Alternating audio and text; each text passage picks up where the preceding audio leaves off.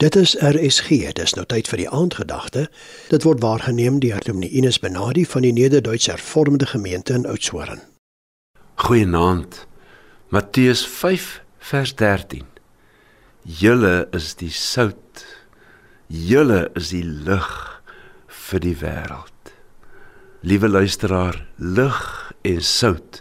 Hoe nodig is dit tog nie in ons ou wêreld nie? Veral nou met al hierdie kragonderbrekings en dinge kan 'n mens voorwaar sê as ek maar net 'n vuurhoutjie gehad het of 'n batterytjie. Helder en duidelik word die hele lewe dan. Maar soms is dit baie donker en soms is die lewe smaakloos.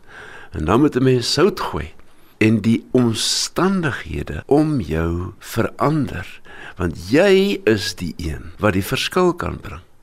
Die Here gee vir die Christendom hier twee titels. Weet u hoe groot is hierdie titels?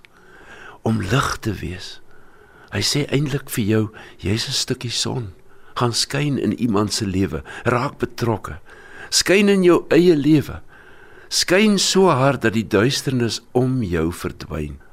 Ek is 'n ou wat nogal hou van sout en as kos nie genoeg sout in dit nie, dan is ek sommer ongelukkig.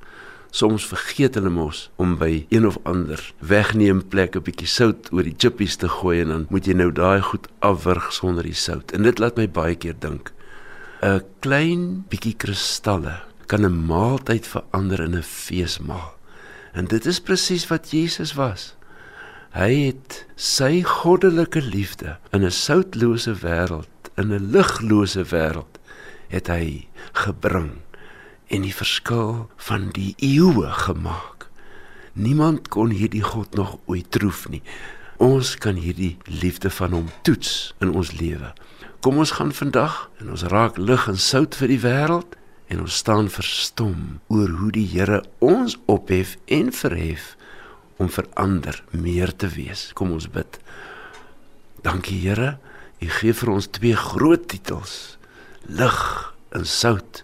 Ons wil dit wees vir almal op aarde wat U nog nie ken nie. Amen. Die aandgedagte hier op RSG is waargeneem deur Dominee Ines Benadi van die Nederduits Hervormde Gemeente in Oudtshoorn.